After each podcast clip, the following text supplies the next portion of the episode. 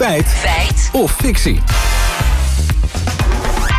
Ja, Jelle, feit of fictie vandaag over Japan en oude mensen. Ja, precies. De Japanse premier Kishida deed deze week een heel erg sombere uitspraak. Hij zei, onze natie bevindt zich op een kritiek punt. Wil het in de toekomst nog alle maatschappelijke functies kunnen uitvoeren? Het is nu of nooit voor het beleid in zaken geboortes.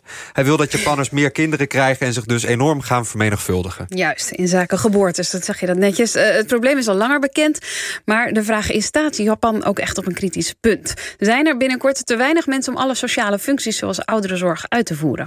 Nou, of de Japanse bevolking echt zo snel veroudert... horen we van Ruben van Galen. Hij is bijzonder hoogleraar levensloopdynamiek... en demograaf bij het CBS. Als je kijkt naar het... Uh aandeel 65-plussers in de bevolking.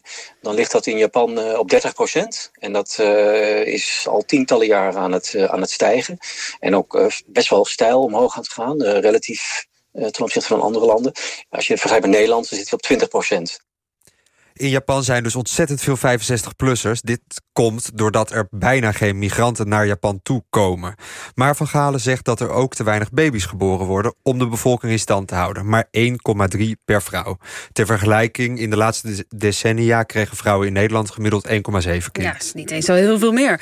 Uh, dus krimpt de Japanse bevolking. Ja, dat horen we van Radboud Molijn... Japan-watcher en directeur bij Global Bridges. Het is een, uh, een land wat qua bevolking gewoon krimpt. Uh, ik geloof dat er per dag zo'n 2000 Japanners minder zijn dan de dag daarvoor. Hè? Dus ik bedoel, het krimpt en het is geen emmigratieland. Dus met andere woorden, je krijgt gewoon te maken met een steeds kleinere bevolking. 2000 per, 2000 per dag minder. Hij zegt dat je op dit dat je dit met name ziet op het Japanse platteland. Daar zie je steeds meer scholen en dorpshuizen die moeten sluiten... omdat er geen kinderen meer zijn.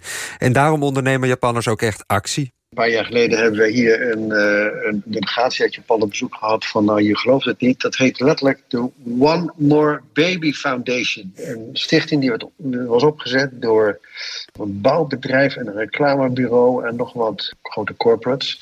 En die zeiden van ja, als we niet opschieten, dan gaat Japan gewoon uh, ten onder, als het ware, aan het feit dat er gewoon geen, uh, geen jonge kinderen meer zijn. Dus geen, geen jonge aanwas meer is. Verder zegt Molijn dat de uitspraken van Kishida ook een politieke reden hebben. Japanners moeten binnenkort namelijk meer belasting gaan betalen. En hij, begrijpt, hij grijpt de vergrijzing dus aan als reden waarom de belastingen omhoog gaan. Oké, maar eh, sowieso is het tijd voor actie, zou je zeggen. In welke sectoren dreigt dat echt mis te lopen daar? Ruben van Galen zegt dat met name tekorten in de zorg nijpend worden. In Nederland hebben we dit probleem ook al, maar Japan, daar is het probleem echt wel veel groter. De zorg die kan je voor een heel groot deel automatiseren.